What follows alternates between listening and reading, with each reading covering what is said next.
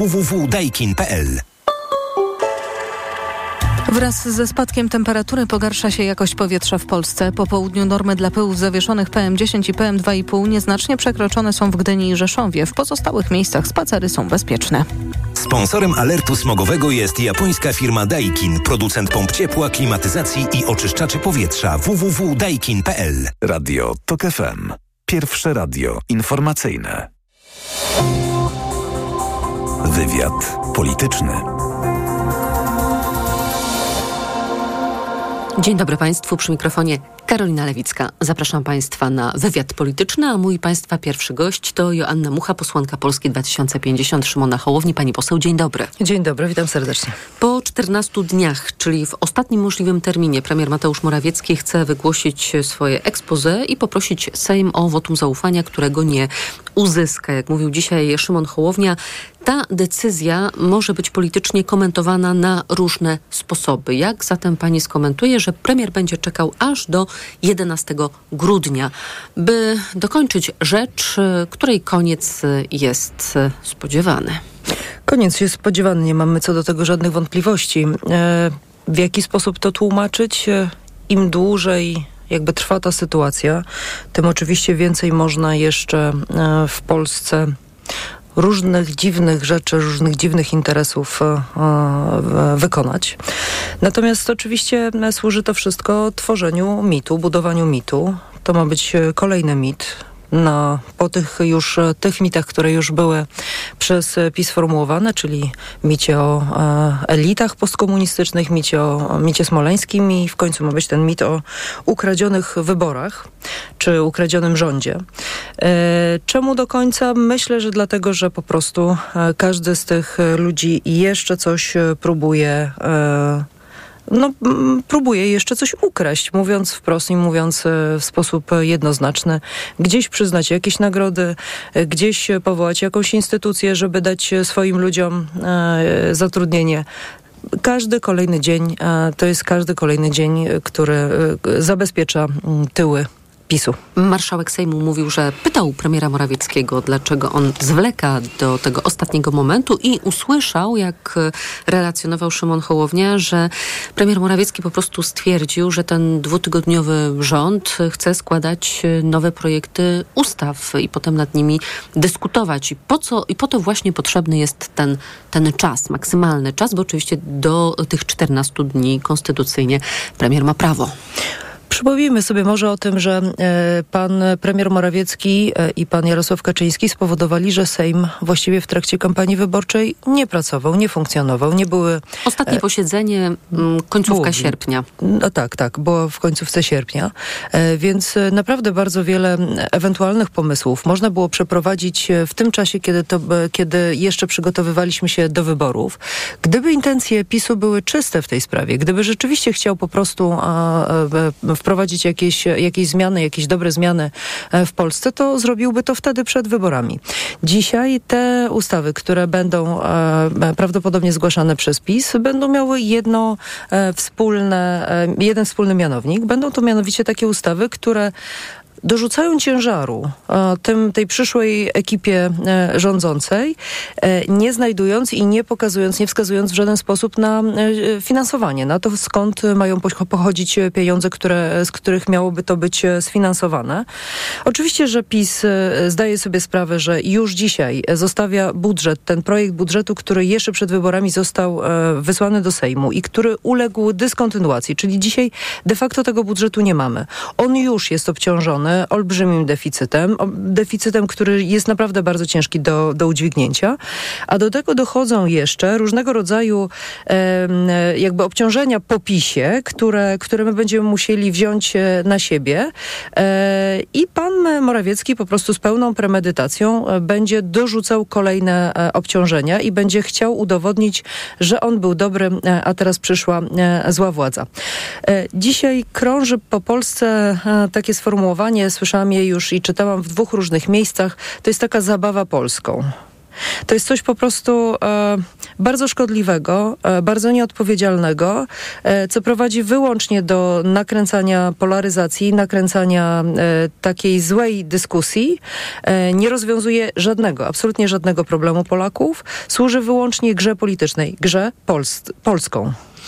Pani poseł, na chwilę porzucę ten wątek, ponieważ e, mam dla Państwa informację z ostatniej chwili podaną przez Polską Agencję Prasową, bo dzisiaj Sejm miał zamiar w bloku głosowań po godzinie 18 odwołać członków Komisji do Spraw Wpływów Rosyjskich, badania wpływów rosyjskich w Polsce. Tymczasem głos zabrał Sławomir Cęckiewicz i poinformował, że ta Komisja do Spraw Badania Rosyjskich Wpływów rekomenduje, aby Donaldowi Tuskowi, Jackowi Cichockiemu, Bogdanowi Klichowi i Bartłomiejowi Sienkiewiczowi nie były powierzane stanowiska publiczne odpowiadające za bezpieczeństwo bezpieczeństwo państwa. Co pani na to? Powiem może tyle. Ta komisja miała mm, przygotować raport. Ten raport miał być e, gotowy 17 września. E, nie ma raportu. Nie wiem na jakiej podstawie w związku z tym e, tego typu rekomendacje. Wydaje mi się, że podstawa e, została palcem na wodzie napisana. E, oczywista i jasna również gra polityczna, typowa gra polityczna, ta takiego jakby najgorszego sortu, najgorszego, najgorszego gatunku. I myślę, że nikt poważny tych rekomendacji nie będzie brał pod uwagę. Ale rozumiem, że może się to wpisywać w tą tak zwaną legendę, o której pani mówiła. Oczywiście, że tak. To jest element tej legendy. Tak jak mit smoleński miał kilka swoich jakby kluczowych, mm, kluczowych elementów. Takim kluczowym elementem było to, że nie staraliśmy się o to, żeby wrak wrócił do Polski. Tak jakby e, PiS przez 8 lat e, e, zrobił cokolwiek, żeby, żeby ten wrak mógł do Polski wrócić. Że nie powołaliśmy Międzynarodowej Komisji. Tak jakby przez 8 lat PiS powołał Międzynarodową Komisję i tak dalej, i tak dalej. To jest również mit, który będzie miał kilka różnych elementów. Jednym z tych elementów jest to, że rządzić będą nami e, no, ludzie, którzy, e, których, o których komisja e, Tuskowa powiedziała, że nie powinni brać udziału w tych rządach.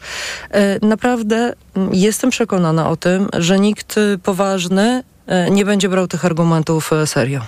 Sławomir Cęckiewicz informuje, że to jest prezentacja raportu cząstkowego z trzech miesięcy prac Komisji mm, do spraw badania wpływów rosyjskich. E, zaskakująca zbieżność czasowa, że dzieje się dosłownie to na kilkadziesiąt minut przed tym, jak członkowie tej komisji mają zostać przez Izbę Niższą odwołani. A przy okazji zapytam pani poseł, bo Właśnie, dotychczasowi członkowie tej komisji mają zostać przez państwa odwołani, ale sama komisja ma istnieć nadal.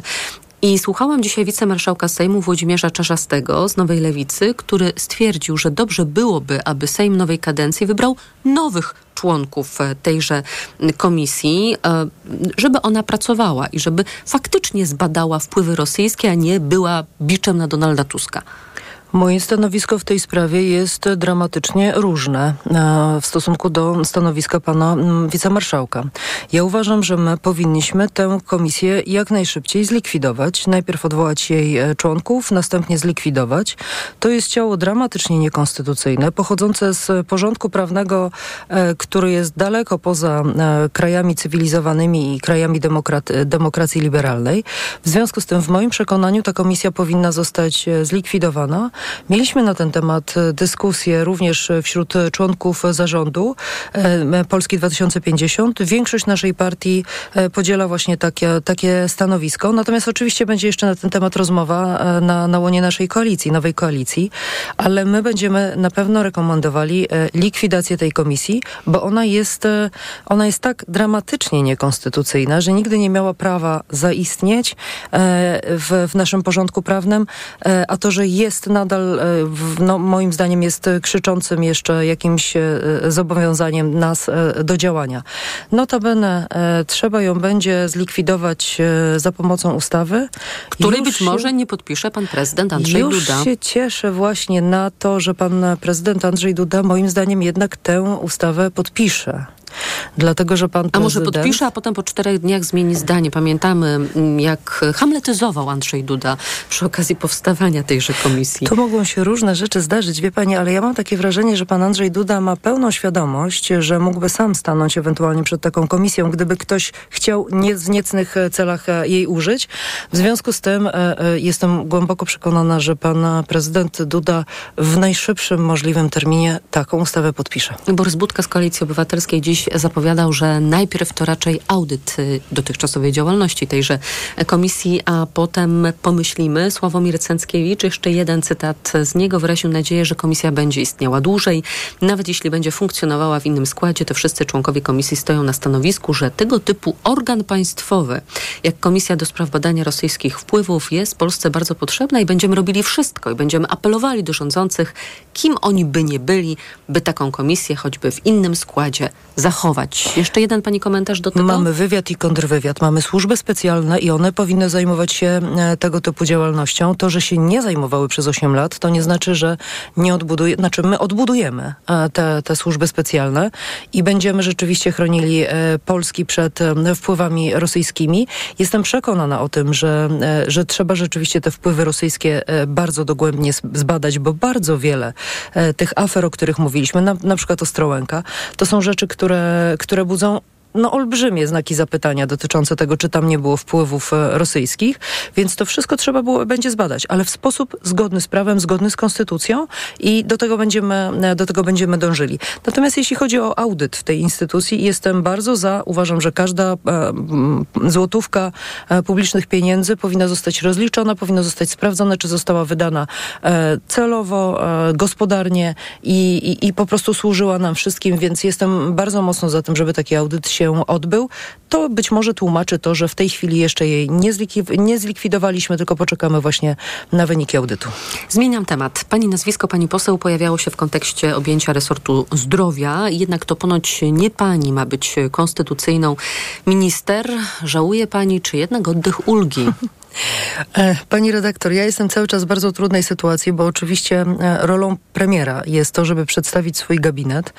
E, Myślę, że wszyscy już wiemy, jak, jaki jest kształt tego, tego gabinetu, bo myślę, że tutaj dużo niespodzianek nie będzie.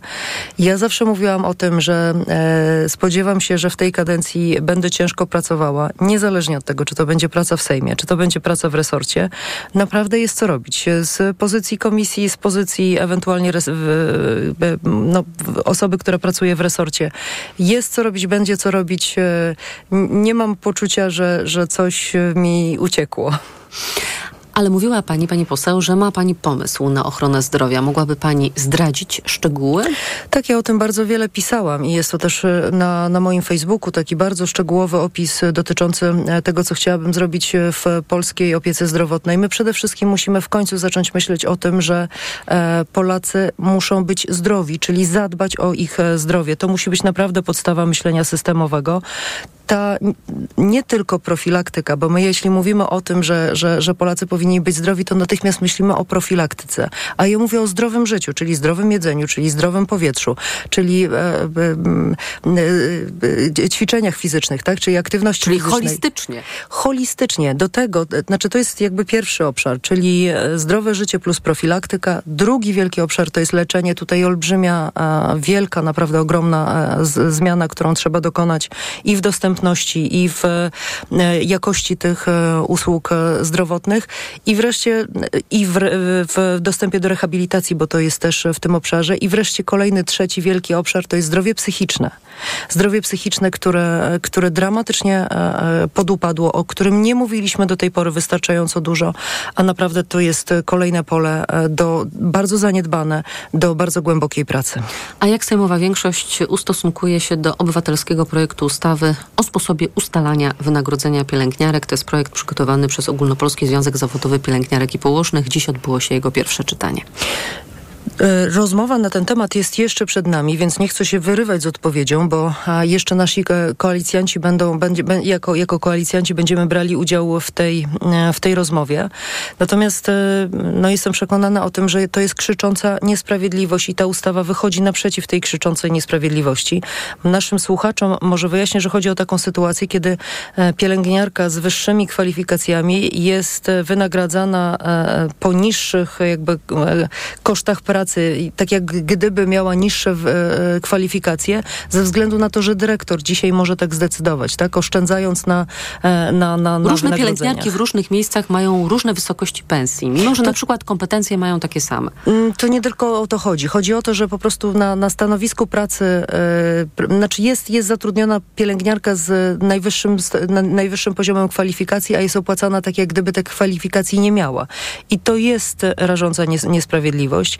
Jesteśmy w starzejącym się społeczeństwie. Mamy bardzo e, olbrzymie, mamy braki w e, kadrach medycznych.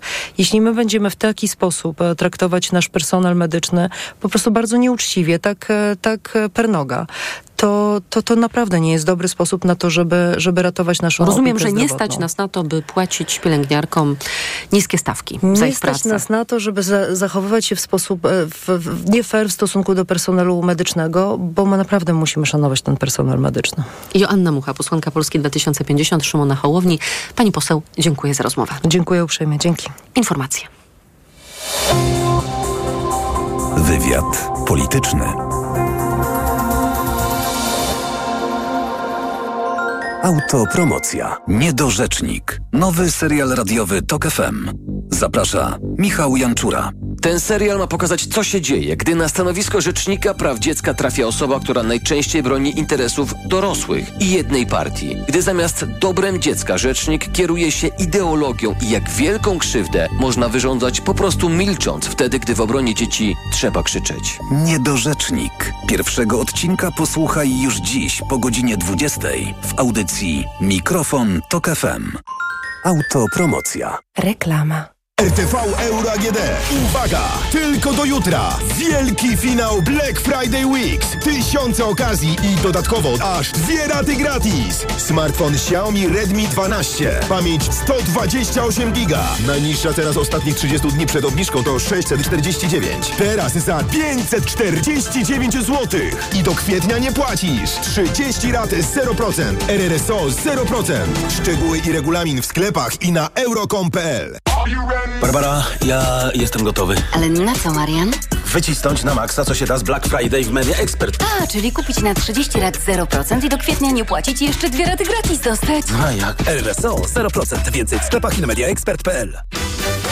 Ruszyła Lidl Loteria Prezentowa, a w niej co godzinę między 6 a 22 możesz wygrać iPhone'a, konsolę PlayStation, suszarko lukówkę Dyson, projektor Samsung lub robota kuchennego Messier Cuisine Smart, a w finale 3 razy 20 tysięcy złotych. Zrób zakupy w Lidlu za minimum 99 zł, zachowaj paragon i zarejestruj go na lidloteria.pl. Loteria trwa od 13 listopada do 23 grudnia. Regulamin oraz informacje o artykułach wyłączonych z akcji na lidloteria.pl i smolar.pl. Koniec roku? Czas na zmiany. Odważna stylistyka, nowoczesna technologia oraz frajda z jazdy czekają na Ciebie. Opel Astra, Mokka i dostawcze Mowano z wyprzedaży rocznika 2023 są jeszcze dostępne. Wyjedź z salonu swoim nowiutkim Oplem przed nowym rokiem. Największy wybór masz na początku akcji. Z finansowaniem w pożyczce 50 na 50 RRSO 0% lub w leasingu 101% dla firm. Sprawdź dostępne oferty u swojego dealera lub na opel.pl. Reklama. Radio TOK FM. Pierwsze radio informacyjne. Informacje TOK FM. Minęła 17.20. Anna Draganek-Weiss, zapraszam. Premier Mateusz Morawiecki zamierza wygłosić ekspozę w ostatnim możliwym terminie, czyli 11 grudnia. Jak przekazał marszałek Sejmu Szymon Hołownia, jego wystąpienie ma się rozpocząć przed południem i potrwać maksymalnie godzinę. A to oznacza, że jeszcze tego samego dnia odbędzie się głosowanie nad wotum zaufania. W Sejmie jest reporter TOK FM Wawrzyniec Zakrzewski. Powiedz, co będzie działo się dalej, jeśli a wszystko na to wskazuje, że premier Morawiecki nie uzyska poparcia w Sejmie. Wtedy, jak stwierdził marszałek Hołownia po raz pierwszy w historii nowego szefa rządu wskażą posłowie i posłanki. Jest niemal pewne, że w poniedziałek wieczorem nowym premierem wybranym przez Sejm, a nie prezydenta, jak ma to miejsce na ogół, zostanie wspólny kandydat KO trzeciej drogi i lewicy, czyli Donald Tusk. Jeżeli pan premier, z którym będę rozmawiał o tym w najbliższych e, dniach, zechce, żeby reszta procedury, dalszy ciąg procedury był zrealizowany tego samego dnia, co oznacza wejście w późne godziny nocne, to ja oczywiście nie będę miał nic przeciwko temu. To, to on tu powinien przede wszystkim wiedzieć, kiedy chce wygłosić ekspozę i kiedy chce zaprezentować Radę Ministrów. Ale możliwe jest, jak zauważa Szymon Hołownia, że Donald Tusk będzie wolał wygłosić ekspozę we wtorek rano. Zaś w środę 13, zgodnie z tym, co mówili współpracownicy Andrzeja Dudy, prezydent ma przyjąć przysięgę od nowego premiera i jego gabinetu. To był Sejmu Wawrzyniec Zakrzewski. Sekretarz generalny ONZ mówi o gigantycznej katastrofie humanitarnej w strefie gazy i to mimo zawieszenia broni. Antonio Guterres podkreślił, że 80% mieszkańców gazy zostało zmuszonych do opuszczenia swoich domów, a w ośrodkach ONZ-u znajduje się ponad milion cywilów szukających schronienia.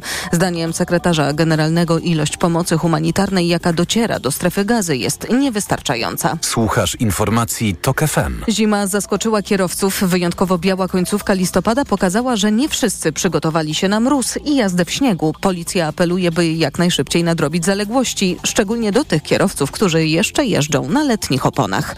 Kolejne informacje w TOK FM o 17.40. Pogoda. W nocy miejscami przelotnie popada śnieg. Na termometrach od minus 12 stopni na północnym wschodzie, minus 5 w centrum, do minus 1 w zachodniej części wybrzeża. Chłodniej będzie na Podhalu, tam nawet minus 14 stopni. Radio TOK FM. Pierwsze radio informacyjne. Wywiad polityczny. Profesor Adam Leszczyński jest z nami. Uniwersytet SWPS, krytyka polityczna i Okopres. Panie profesorze, dzień dobry. Dzień dobry Państwu, dzień dobry. W tygodniku sieci ukazał się wywiad z doktorem Karolem Nawrockim, prezesem IPN-u. Nawrocki prezentuje się na okładce z zaciśniętymi pięściami, jakby chciał zaraz komuś wymierzyć lewy sierpowy. Zapowiada, że Instytut będzie twierdzą. Mówi, szykujemy się do batalii o prawdę historyczną w nowych dla IPN-u okolicznościach. Stosunek polityków sejmowej większości do IPN-u jest obecnie ambiwalentny, bo na przykład Lewica jest konsekwentnie za likwidacją IPN-u. Donald Tusk też o likwidacji IPN-u mówił, ale potem Platforma Obywatelska przeprowadziła szereg konsultacji i wie, że likwidacja IPN-u nie będzie sprawą ani łatwą, ani małą. Zacznijmy jednak od tego wywiadu z doktorem Karolem Nawrockim. Jak pan czyta to, co prezes IPN-u tam mówi? No, to, to jest bardzo ciekawy wywiad, ponieważ tam poza taką prawda, deklaracją niezłomności i opowieściami o tym, że y, Instytut się nie zmieni i że będzie twierdzą, pada bardzo jedna konkretna polityczna propozycja w stosunku do części nowej większości mm, parlamentarnej e, i ona brzmi mniej więcej tak, tak jak ja ją odczytuję. To znaczy ona jest adresowana przede wszystkim do konserwatywnej części mm, e, Platformy Obywatelskiej oraz do e, partii Szymona Hołowni, oraz do PSL-u. I brzmi mniej więcej tak, że Instytut będzie większą troską mm, się zajmował, przede wszystkim zajmował się w przyszłości, ale także będzie się zajmował w przyszłości środowiskami jakby historycznymi, które poprzedzają te partie. Prawda? Więc tam na przykład prezes IPN-u mówi o tym, że w szeregach Platformy Obywatelskiej są osoby zasłużone w walce z komunizmem i że to są szlachetne osoby. To jest nowość, prawda? Taka wypowiedź z jego strony. A więc y, mamy tą część opozycji, z którą IPN może współpracować i na którą liczy, takie tam sformułowanie też pada bardzo wyraźnie. E, oraz... Ale jest jeszcze ta część, którą należy piętnować, bo na pytanie dużo jeszcze w polskiej polityce postkomuny Nawrocki odpowiada, to wciąż jeszcze nieodrobiona lekcja. Transformacja ustrojowa powinna się skończyć wiele lat temu. Była na to szansa, ale jej nie wykorzystano. Tak, i tą, tą czarną, tą oczywiście czarną, be, beznadziejną z punktu widzenia EPN-u częścią e, opozycji jest lewica, e, którą e, się oskarża o postkomunizm i neokomunizm, to znaczy oskarża ją e, prezes e, IPN-u e, oraz o chęć prawda, rozmycia polskiej tożsamości narodowej i takie tam rzeczy, które mm, prawica lubi opowiadać przy, w, w, tego rodzaju sytuacjach. W każdym razie mamy tą z perspektywy IPN IPN-u część opozycji, którą da się współpracować i część opozycji, którą się z pewnością nie da.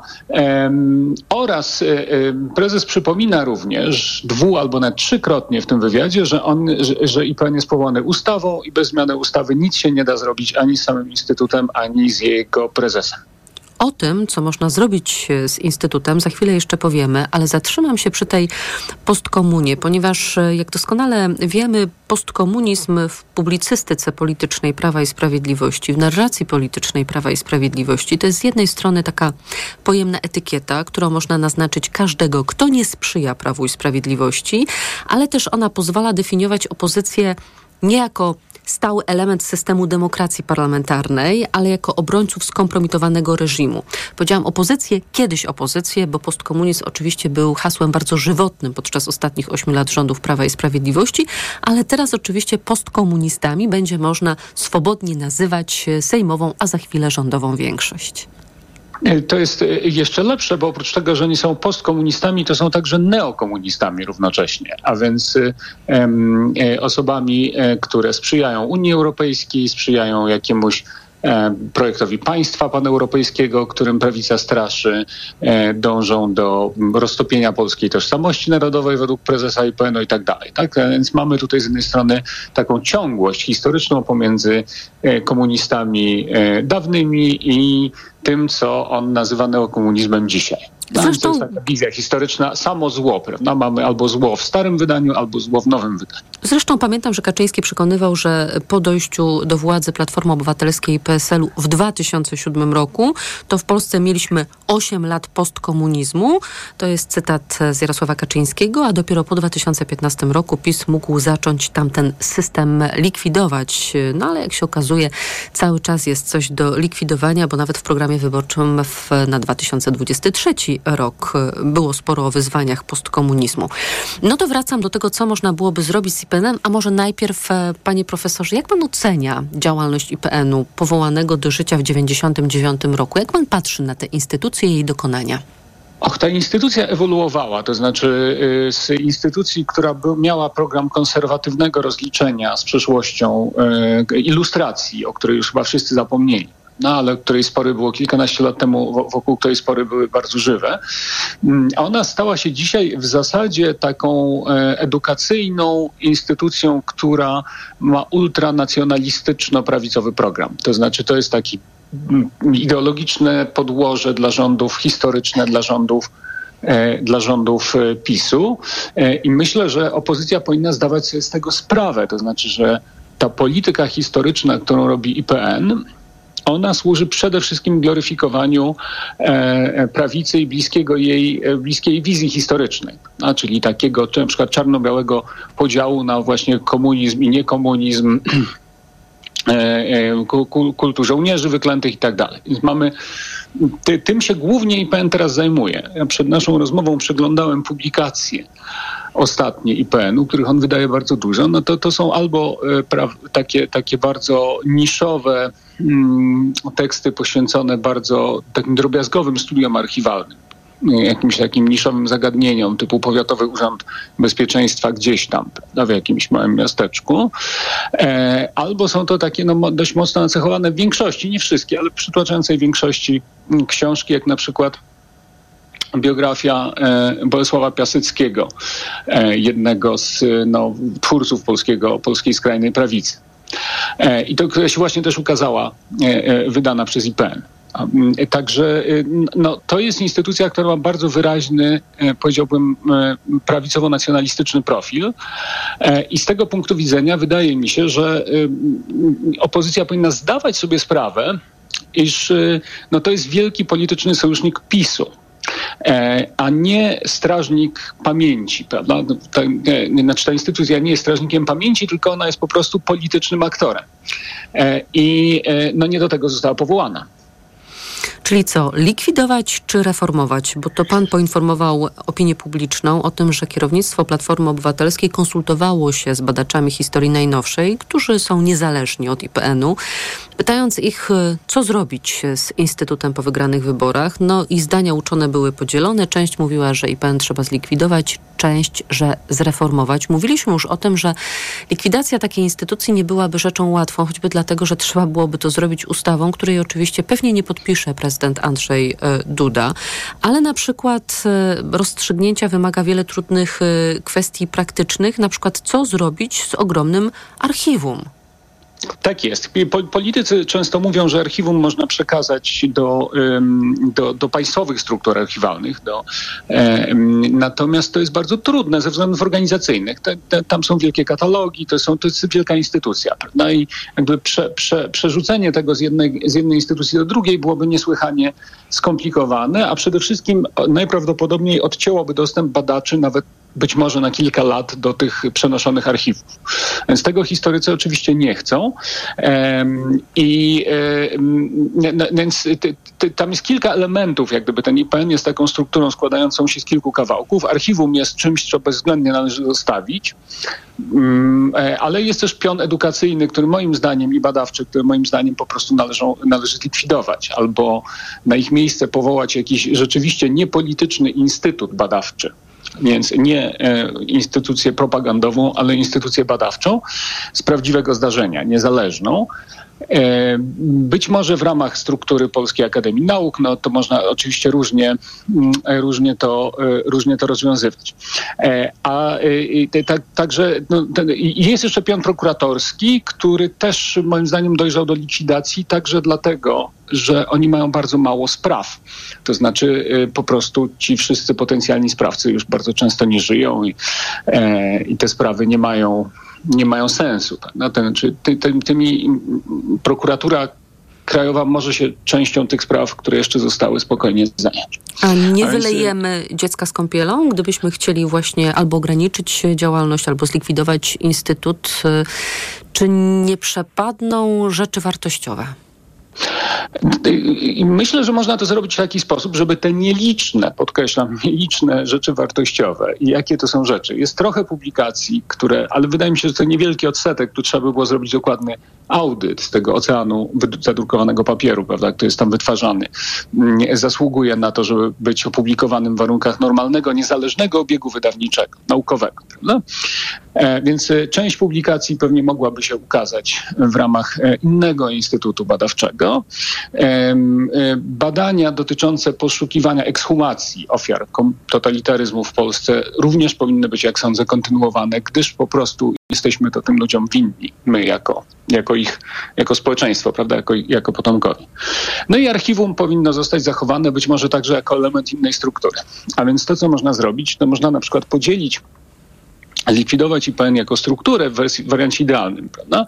jako całość i podzielić go na jakieś mniejsze jednostki, które być może e, mogłyby funkcjonować na, e, na innych zasadach. No niemniej jednak jest to niemożliwe bez zmiany ustawy, a sądzę zresztą, i, tutaj mam, mamy dobre powody myśleć, e, że, mm, e, że, że tak by się wydarzyło, że nawet e, dla likwidacji nie byłoby większości w Sejmie. PiS byłby przeciw, ale myślę też, że część konserwatywna, część opozycji również byłaby przeciw likwidacji.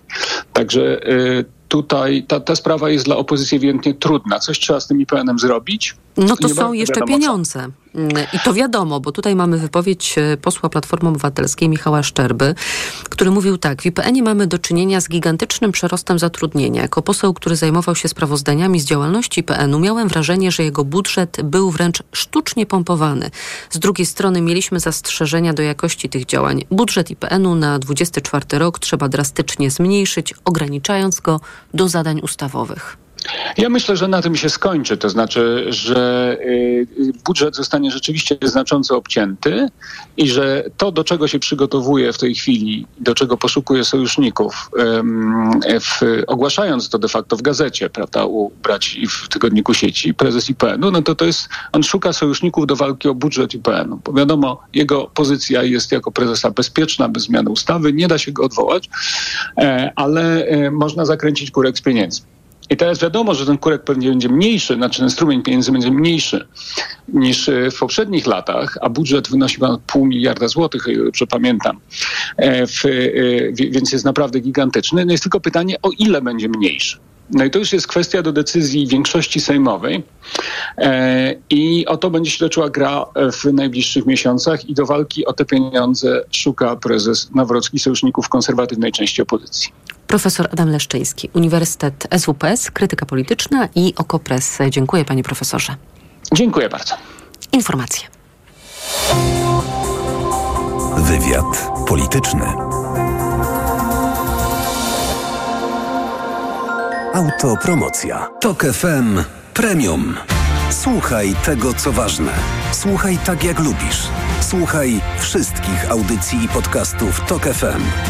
Bez reklam. O dowolnej porze. Na dowolny temat. Dołącz do Tok FM Premium. Tylko teraz. 60% taniej. Szczegóły oferty znajdziesz na tokefm.pl. Autopromocja. Reklama. RTV Euro AGD. Black Days w strefie Smart Decyzji. Odbierz 200 zł na paliwo albo do perfumerii przy zakupie wybranych smartfonów marki Samsung. Liczba nagród ograniczona. Szczegóły w regulaminie promocji w sklepach i na euro.com.pl. Magazyn Psychologia dla rodziców. Temat numeru. Depresja nastolatków. Jak im pomóc? Czy rodzice są w stanie zatrzymać kryzys psychiczny u dziecka? Nowy numer Psychologii dla rodziców już w sprzedaży w kioskach i salonach prasowych. Przed nami ósma edycja For Design Days. W programie nieśmiertelny design i wieczna architektura. Nowe koncepcje urbanistyczne i zielone budownictwo. Ekspozycje i trendy wnętrzarskie. Debaty z architektami, projektantami i inwestorami. Dwa dni dla biznesu i dwa dni otwarte. Dołącz i twórz z nami. For Design Days. Od 25 do 28 stycznia 2024 roku w Międzynarodowym Centrum Kongresowym w Katowicach. W Media Expert przedłużamy Black Friday. Smartfony, telewizory, laptopy, odkurzacze bezprzewodowe, ekspresy do kawy, zmywarki w super niskich cenach. Black Friday w Media Expert. Jako dietetyk na wątrobę zawsze polecam Proliver, ponieważ zawiera składniki wspierające właściwą pracę wątroby. Często ze względu na dietę, wiek czy masę ciała zwracam uwagę na poziom cukru we krwi. Wtedy proponuję nowość Proliver Diabeto. Suplement diety Proliver Diabeto dba o wątrobę, a dodatkowo zawiera wysoką dawkę morwy białej, która przyczynia się do utrzymania prawidłowego poziomu cukru. Stosując Proliver Diabeto osiągamy obie te ważne korzyści. Proliver Diabeto, zdrowa wątroba i prawidłowy poziom cukru. Aflofarm. Wyciąg z liści karczocha wspiera utrzymanie zdrowej wątroby. Jak dużo miejsca potrzebujesz? Mercedes-Benz ma idealną przestrzeń dla Twojego biznesu. Sprawdź dostawcze modele Citan, Vito i Sprinter w atrakcyjnej ofercie Lease and Drive dla przedsiębiorców. Sprinter Furgon w doskonałej cenie. Już za 1387 zł netto miesięcznie. Wybierz przestrzeń, komfort i bezpieczeństwo, a znajdziesz miejsce na przyjemność w swojej pracy. Samochody dostępne od ręki czekają w salonie online Mercedes-Benz. Proszę Państwa, Lidl najtańszym sklepem spożywczym. Tak, wśród sklepów badanych w Polsce przez ASM Salesforce Agency. To właśnie Lidl jest najtańszy. W październiku Lidl najtańszym sklepem spożywczym. Szczegóły na www.lidl.pl oraz www.asmsalesforce.pl Bo w Media Expert taniej masz. Media Expert przedłużamy Black Friday. Na przykład Power Audio JBL Party Box. Najniższa cena z ostatnich 30 dni przed obniżką 1499 zł 99 groszy. Teraz za jedyne 999 z kodem rabatowym taniej o 500 zł.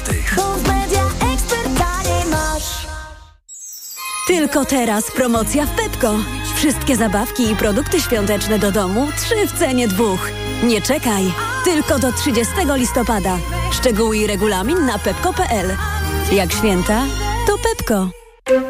Zdążymy? Ja naprawdę tego potrzebuję. Patrz jak się łapie ostatnie rabaty na Allegro Black Weeks. Rabaty na wszystko, czego naprawdę potrzebujesz? Na Allegro mają. Tylko do końca listopada obniżki do minus 40%. Kupuj taniej na Allegro Black Weeks. Allegro. Reklama. Radio TOK FM.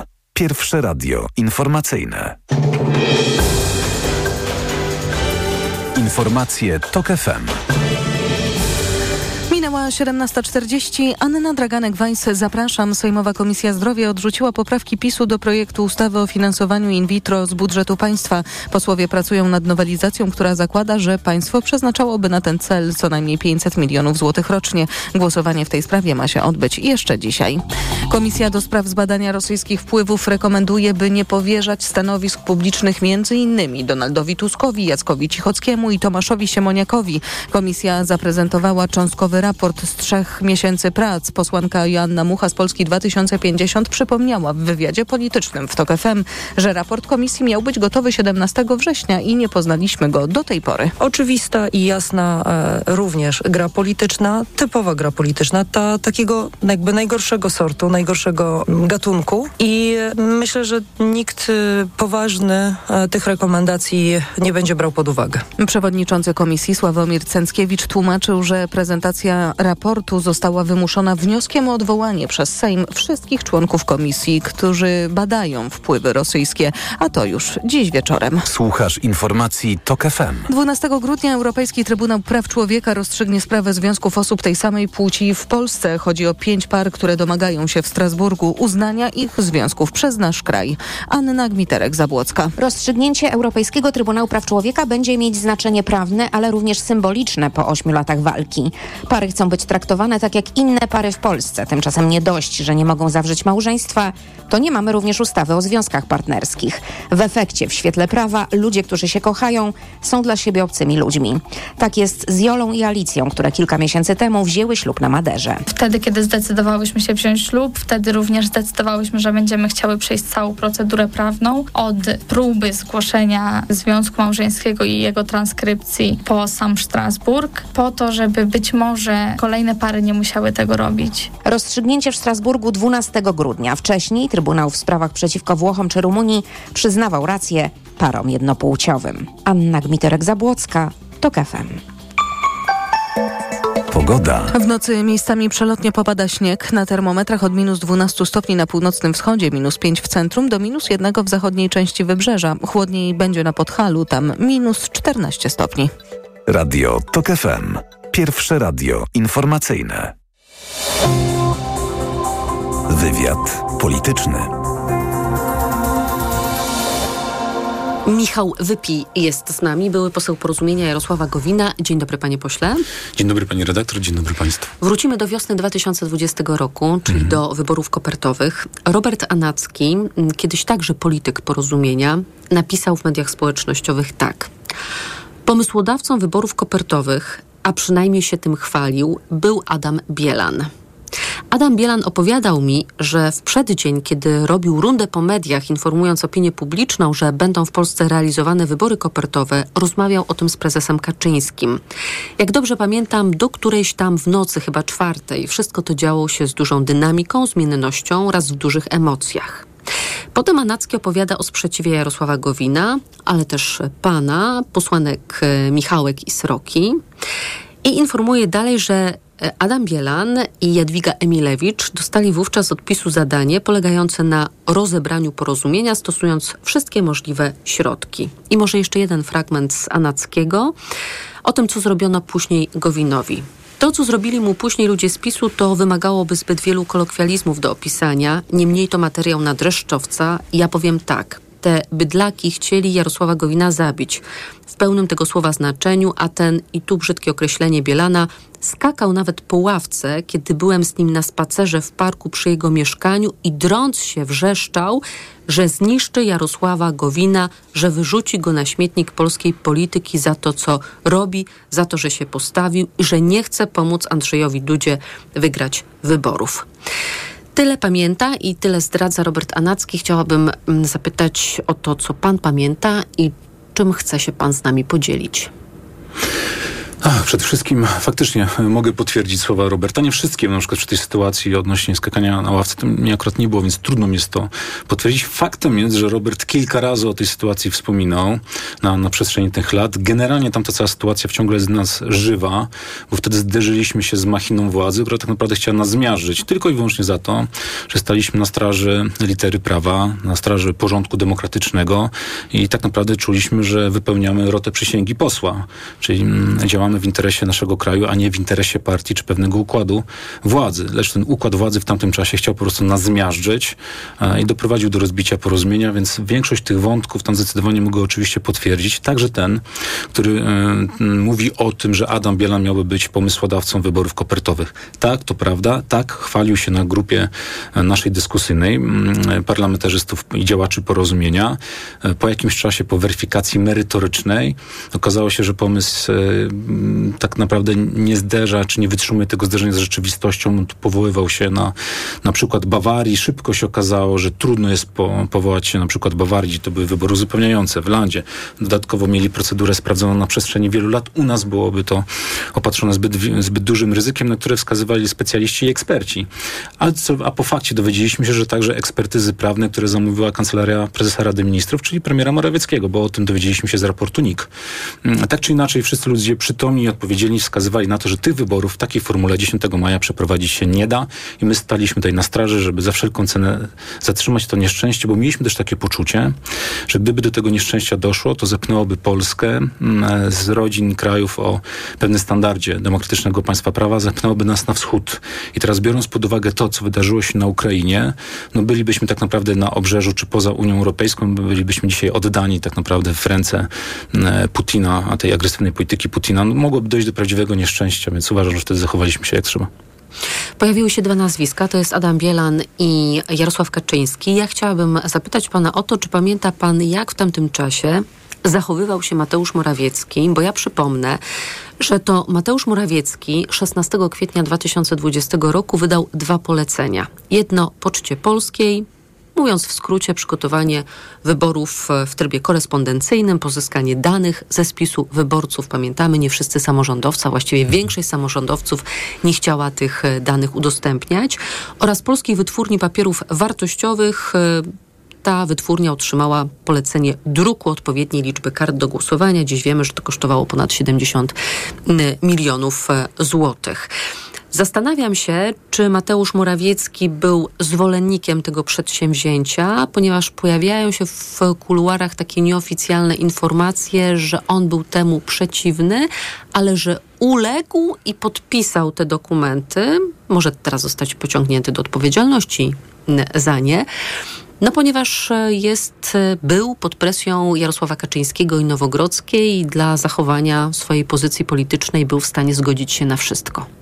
Jeżeli ktoś w tamtym czasie, e, wszyscy byliśmy pod presją polityczną, ale w, w tamtej sytuacji nie potrafił wybrać między interesem Rzeczypospolitej a interesem swoim albo układu władzy, no to ja na pewno w żaden sposób nie będę go rozgrzeszał. Premier czy szef polskiego rządu jest podwójnie, potrójnie, wielokrotnie z- m, zmotywowany powinien być, albo zobowiązany do tego, żeby stać na straży prawa i interesu Rzeczypospolitej. To my wszystko wiemy.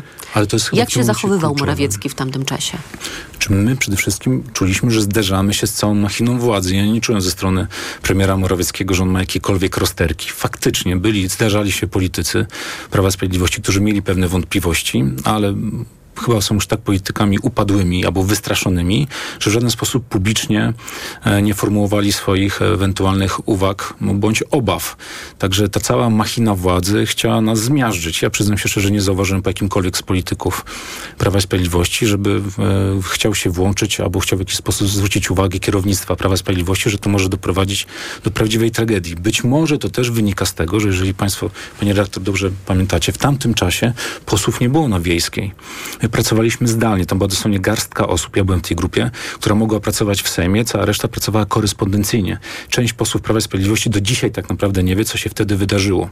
Co nie zmienia faktu, że podnosząc rękę e, za takim prawem, które mogło nas zepchnąć z tej rodziny krajów demokratycznych, o pewnym standardzie, wysokim standardzie prawa, e, tak naprawdę przyłożyli do tego rękę. Niemniej kierownictwo PiSu, a były się takie spotkania tak zwanej ostatniej szansy willi premiera Morawieckiego, brałem w nim udział na, na ulicy Parkowej, bez udziału premiera Morawieckiego, za to z udziałem Jarosława Kaczyńskiego, czy ministra Sasina, czy ministra Kamińskiego. Tam wszyscy przekonywali nas, że jest wszystko w porządku, że to są nasze jakieś wyobrażenia, e, e, które tak naprawdę mają zatrzymać obecny układ władzy, że chcemy spowodować, żeby to opozycja przejęła władzę, a wszelkie uwagi natury merytorycznej, że e, koperty mogą nie zostać dostarczone, że nie będzie czasu na drugą turę ewentualnie, że może dojść do pewnego chaosu, e, że PKW zostało wyłączone z jakby tej wiodącej roli przeprowadzenia wyborów i tak dalej, i tak dalej. Wszystkie te nasze obawy były zbywane tym, że ważniejszy jest interes polityczny. Więc nie widzę najmniejszego powodu, żeby któregokolwiek z polityków z kierownictwa Prawa i Sprawiedliwości rozgrzeszyć z tej odpowiedzialności. A w jakiej atmosferze odbywały się te rozmowy w, w rządowej willi przy ulicy Parkowej? Czy to było takie przekonywanie argumentami, czy też po prostu byli państwo zastraszani? do pewnego momentu e, były przedstawialiśmy pewne swoje argumenty natury merytorycznej. Proszę mi wierzyć, że to były argumenty tylko i wyłącznie natury technicznej, merytorycznej, ale w pewnym momencie, gdy starczyło, gdy już nie starczyło tak naprawdę odpowiedzi em, ze strony Prawa i Sprawiedliwości, pamiętam, że jeden z ministrów faktycznie konstytucyjnych e, nie wytrzymał ten, tej jakiejś próby nerwów i aż na stojąco wstał i groził, że, że będziemy siedzieć za działalność antypaństwową. Także pamiętam, siedział dosłownie w takiej odległości, jak pani redaktor ode mnie, nie wytrzymał. Czyli zrobił się- metra. zrobił się purpurowy. Na twarzy musiał go uspokajać Jarosław Kaczyński. Wtedy już zobaczyłem, że oni już naprawdę nie mają siły, ale także wiedzą, że w jaki sposób są zagonieni do narożnika. I przedstawiłem też tą informację Jarosławowi Gowinowi, bo jego na tym spotkaniu nie było, że e, oni są już w narożniku, wiedzą, że, że, że jeżeli my wytrzymamy, to nie są w stanie tego przeprowadzić, ale też przedstawiają obawę, że niestety są w stanie zrobić wszystko, żeby swoją wolę polityczną przeprowadzić, no i się nie pomyliłem, że byli w stanie w zasadzie zrobić niemal wszystko. W książce y, Kulisy PiSu Kamil Dziubka cytuje współpracownika Jarosława Gowina, który mówi tak. Nowogrodzka wydzwaniała do naszych posłów i zapraszała ich na bezpośrednie rozmowy z Kaczyńskim. Jeden z kolegów po takiej rozmowie po prostu zżygał się ze stresu. Oferta była prosta. Zostajesz z PiSem, to będziesz żył. A jak będziesz przeciwko wyborom kopertowym, nie żyjesz. Oczywiście chodziło o brak życia politycznego dalszego. Jaką presję na panu wywierano? No, tu, tu jeden z kolegów faktycznie, były takie sytuacje, że była jasność. W zasadzie chyba wszyscy posłowie mieli to zaproszenie. Także miałem zaproszenie na, na ulicę Nowogrodzką na rozmowę o Polsce. Bo to tak górnolotnie brzmiało, że chcą porozmawiać, pan prezes chce porozmawiać o Polsce. Powiedziałem, że nie jestem I to zainteresowany. były rozmowy jeden na jeden, tak? Czy jeszcze ktoś był Jak się, obecny? okazało, jak się potem okazało, e, w tych rozmowach często brali też udział inni ministrowie. To było często powiązane z pewną ofertą. Proszę także pamiętać o tym, że m, zwłaszcza Prócz już... kija była marchewka. O, oczywiście, że tak. Klasyczna e, metoda przyciągania ludzi na, na swoją stronę i po jakimś czasie zauważyliśmy, że coraz więcej osób pęka. Nie wiedzieliśmy, czy to ze strachu, czy ewentualnie wizji rozpoczęcia nowej kariery. I zresztą, jak ktoś obserwował bacznie e, to, co się działo później, w latach następnych, no to widział, że część polityków porozumienia obejm- obejmowało teki ministerialne, nawet funkcjonowało w Sejmie takie powiedzenie o Związku Zawodowych Sekretarzy Stanu. No to właśnie byli ci, którzy gdzieś tam pękali i na których już nie mogliśmy w pewnym momencie liczyć w dosyć ważnej, ważnej próbie. Tak czy inaczej, ja nie byłem zainteresowany tą rozmową, wiedziałem, czemu, czemu ona ma służyć, więc nie byłem zainteresowany taką rozmową. Czyli nie poszedł pan. Nie, nie poszedłem e, na to spotkanie, nie poszedłem także na inne spotkania, które proponowali mi inni politycy PiSu i powtarzali jak mantry, że chcą porozmawiać o Polsce. Dobrze wiedziałem, na czym ta rozmowa ma, ma polegać. Szukali także innych metod. No, ja opowiadałem całkiem niedawno, że szukali także dojścia do, do moich rodziców. Faktycznie mój tata był funkcjonariuszem mm, e, w, w, w służbach i, i gdzieś koledzy, byli koledzy już tata na emeryturze, e, wydzwaniali do ojca, czy próbowali i spotyka, spotykali się z ojcem właśnie po to, żeby wpłynął na zmianę mojej decyzji. Oczywiście nie mógł wpłynąć na zmianę mojej decyzji, zresztą nie chciał i zresztą zgadzał się ze mną w tej, w tej decyzji. E, Ale to, także szukali różnych metod nacisku na nas, na nasze rodziny. No i oczywiście presja medialna. W krótkim czasie dowiedzieliśmy się z mediów rządowych i nasze rodziny się dowiedziały, że tak, jesteśmy, tak naprawdę jesteśmy zdrajcami, którzy próbują wywrócić ustrój e, Rzeczypospolitej Polskiej, więc to była także ciężka próba e, przede, przede wszystkim dla naszych rodzin.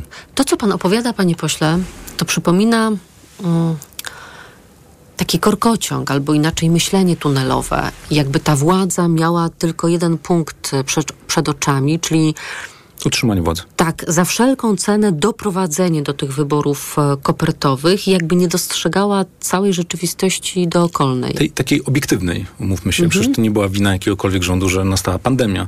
Trzeba było się dostosować, przygotować odpowiednio i przeprowadzić te wybory w taki sposób, żeby były bezpieczne i żeby nikt nigdy nie zarzucił nowo wybranemu prezydentowi Polski, że nie ma mandatu, ważnego mandatu. I tylko tylko to i, i wyłącznie to nas interesowało, żeby dopilnować tych, tych standardów. Po drugiej stronie jednak mieliśmy machinę władzy, która myślała tylko i wyłącznie o jednym, żeby tą władzę za wszelką cenę utrzymać. To był jakiś pewien, pewien, pewnego rodzaju amok, bo też byli wyciągani, na, często nasi byli działacze porozumienia i pokazywani w mediach jako ta część porozumienia, która wspiera działania Prawa Sprawiedliwości. Jak rozumiem, miał, mieli nam odebrać wiarygodność, więc tutaj na różnych polach mm, e, ob, mm, u, już odchodzący układ władzy próbował nas zmusić do tego, żebyśmy pękli. Ale oni myśleli, że kiedy te wybory zostaną odsunięte w czasie, to nie je przegrają? Że przegra je prezydent Andrzej Duda? Przede wszystkim e, trudno mi jest powiedzieć, e, bo jak się okazało, nie Bo przegrał. skoro amok, to chyba nie było tam racjonalnej myśli Nie, nie, wszystkim. zdecydowanie nie było racjonalnej myśli. Przede wszystkim nie było myśli pod kątem racji stanu. To było tylko i wyłącznie myślenie interesem e, pewnego układu władzy. Bali się tego, że, że największa partia opozycyjna podmieni ka- kandydatkę, ale to, to niezależnie od wszystkiego. No, interesem rządu jest dbanie o, o standardy, jest dbanie o, o obywateli, a tu nie było żadnej troski ani o zdrowie obywateli, a jakiekolwiek standardy e, święta o demokracji, czyli wyborów, było tylko i wyłącznie troska o to, żeby za wszelką cenę tą władzę utrzymać. Powiedział pan, nadzieję pokładam w pracach komisji śledczej, bo Chciałbym, żeby, e, żeby Polacy poznali okoliczności tych nacisków. Nie o wszystkim mówiliśmy, nie o wszystkim było, była też przestrzeń, żeby o tym mówić. Szukaliśmy nowej większości, wtedy okazało się to niestety niemożliwe. Było kilka słabych punktów, no i przeciek z wewnątrz spowodował, że nie, nie mogliśmy zbudować nowej większości w tamtym czasie.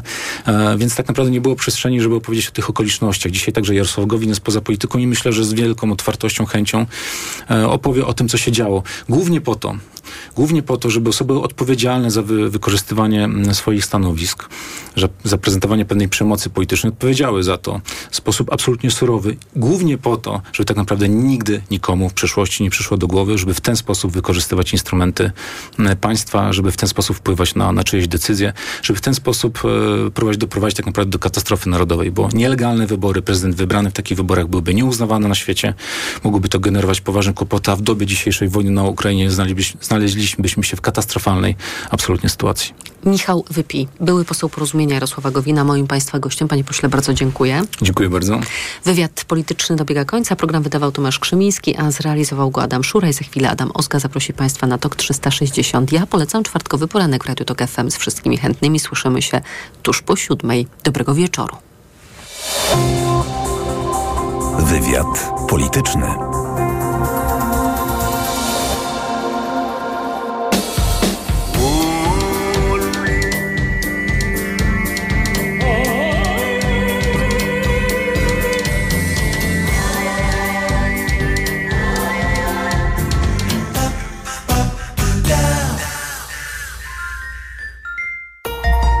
Od światowych rynków po Twój portfel.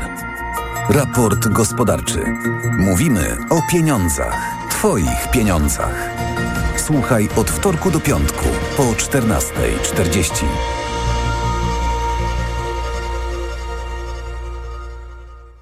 Sponsorem programu jest Big Info Monitor, dostawca informacji o długach osób i firm w serwisie big.pl. Reklama. RTV Euro AGD. Uwaga! Tylko do jutra. Wielki finał Black Friday Weeks. Tysiące okazji i do